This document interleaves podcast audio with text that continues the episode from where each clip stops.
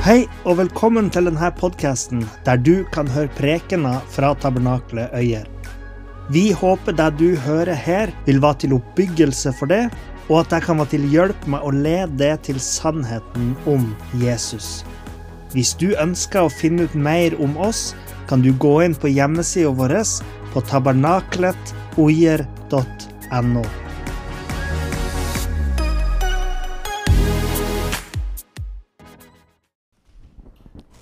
Nå har vi hatt litt om David i menigheten vår. David han var jo egentlig starta som en liten gutt. Og egentlig så var ikke han noe særlig kongeemne til å starte med. Han var en liten gutt som når han møtte en kjempeutfordring, for de skulle slåss mot filisterne, så tok han fram en liten slynge og en liten stein, og så klarte han å vinne over Goliat, som var en kjempe. Og det klarte han ikke fordi han var så flink, men det var fordi han hadde med seg Gud. David han blei etter hvert konge. Og så var det én by. Det var én by som veldig mange konger før han hadde hatt lyst til å ha. Og det var Jerusalem. Men det som var med Jerusalem, det var det at jeg vet at Dette kanskje ikke ser ut som en Jerusalem, men det skal være en slags borg rundt, rundt en by. Jeg vet at f.eks. Maximilian han er helt rå på å bygge Lego. Så jeg kunne kanskje spurt om hjelp. Jeg tror du hadde klart å bygge en mye kulere borg, men det var sånn borgen min blei. Og inni den borgen så var det en by som het Jerusalem. Men det var mange konger som tenkte å, jeg vil ha Jerusalem. Jeg har så lyst på den byen. Men rundt byen så var det ikke fred. Det var uro. Og ingen klarte å ta den byen. Men når David ble konge, så sa han, 'Vet du hva? Jeg skal innta Jerusalem.' Og da sa han igjen, 'Nei, det skal du ikke.' Det har vi prøvd før.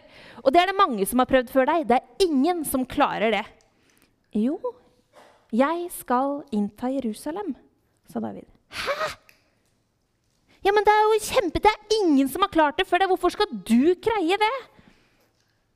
Det som var litt stilig, det var det at Tror dere David greide det? Nei, det hadde ikke jeg heller trodd. Men han gjorde det! David inntok Jerusalem. Og det som er litt kult, det er at David fikk da Jerusalem ble under David, så han kalte det for Davids by. Og de områdene som lå rundt, som egentlig det var veldig mye uro, og de var ikke noe greie med hverandre, der ble det fred. De ble snille med hverandre. De sloss ikke mer. Det ble fred når David var konge. Og det David gjorde som var veldig viktig, var at han la et grunnlag. Et grunnlag Fred, ja. Det er når de ikke er slemme med hverandre, når man er venner. Det er fred. Så de som bodde inne i byen, og de som var utafor, de var venner. Det David gjorde som var veldig kult, det var det at han la et grunnlag. Det betyr at han la, la til rette for at man skulle få lov til å få noe seinere. Fordi David han starta på en plan for Jerusalem. Han starta på en plan for at de skulle få bygge et Guds tempel inne i Jerusalem. Og et Guds tempel det var fordi der skulle Gud få lov til å bo. For Gud ønska å ha et hjem midt iblant menneskene. Han ville ikke bo langt unna. Han trengte et sted å bo midt der hvor alle menneskene var. Så det var ikke David som fikk bygd det, men han gjorde sånn at det var klart til at det kunne bygges. Så Seinere bygde de et stort tempel for Gud og sa, 'Her, Gud, her kan du få lov til å bo midt iblant oss.' Men i dag, i Øyer, så bor jo også Gud her. Men tabernaklet, er det huset til Gud? Nei. Nei, det er på en måte ikke det. Men vi kaller det ofte for Guds hus. I dag skal vi Gud, til Guds hus, kan man si. Men er, er eh, kirka der oppe? Er det der Gud bor? Nei. Hvor er det Gud bor nå? Oppe i himmelen bor han. Og i hjertet, ja. Ja, vet du hva? Gud han bor oppe i himmelen, men han bor også inne i hjertet. For det var det som var at Gud sa at ja, jeg har et bolig når det var Jerusalem. Men så var jo Guds store redningsplan var jo ikke at han skulle bo inni et hus, at det skulle være et tempel vi måtte ha for å ære Gud. Men Gud ville bo i vårt hjerte.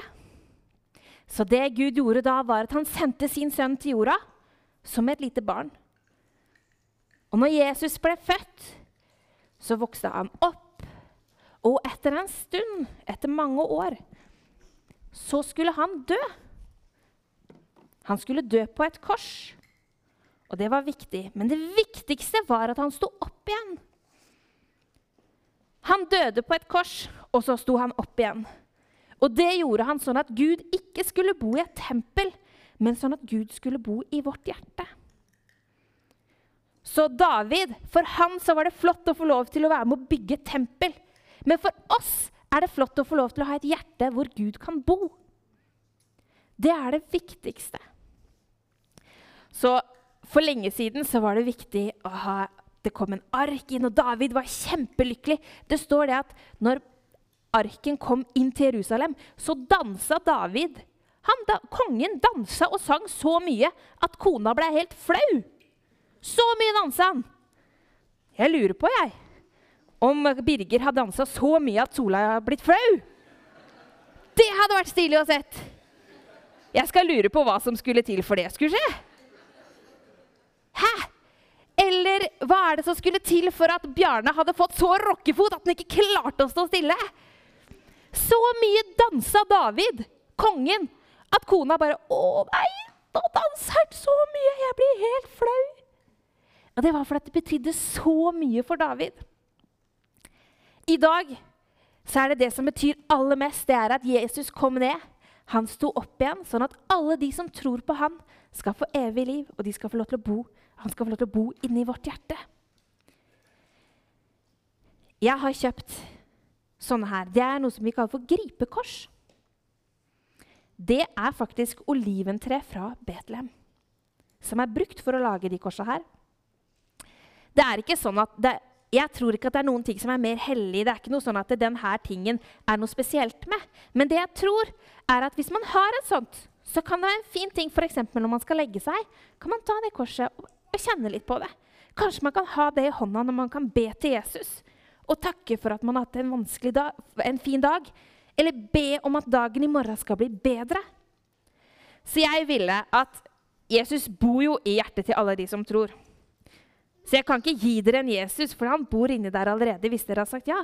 Men jeg ville at dere skulle ha med et gripekors hjem i dag. Så der skal dere få et sånn. Men jeg anbefaler dere å sitte, for jeg liker ikke folk som ligger og hører på meg. Opp og sitte, alle sammen. Sånn, ja. Lukas, du har en fin rumpe å sitte på, ikke en rygg. Flott. Vær så god. Det er viktig at dere tar det med hjem. For det her har vi ikke så mange av, så det her er en fin gave.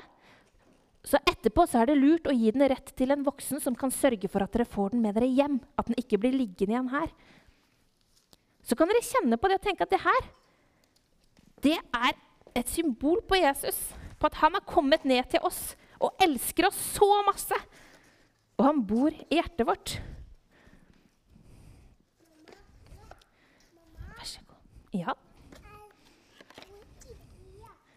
Ja, han bor inni hjertet vårt.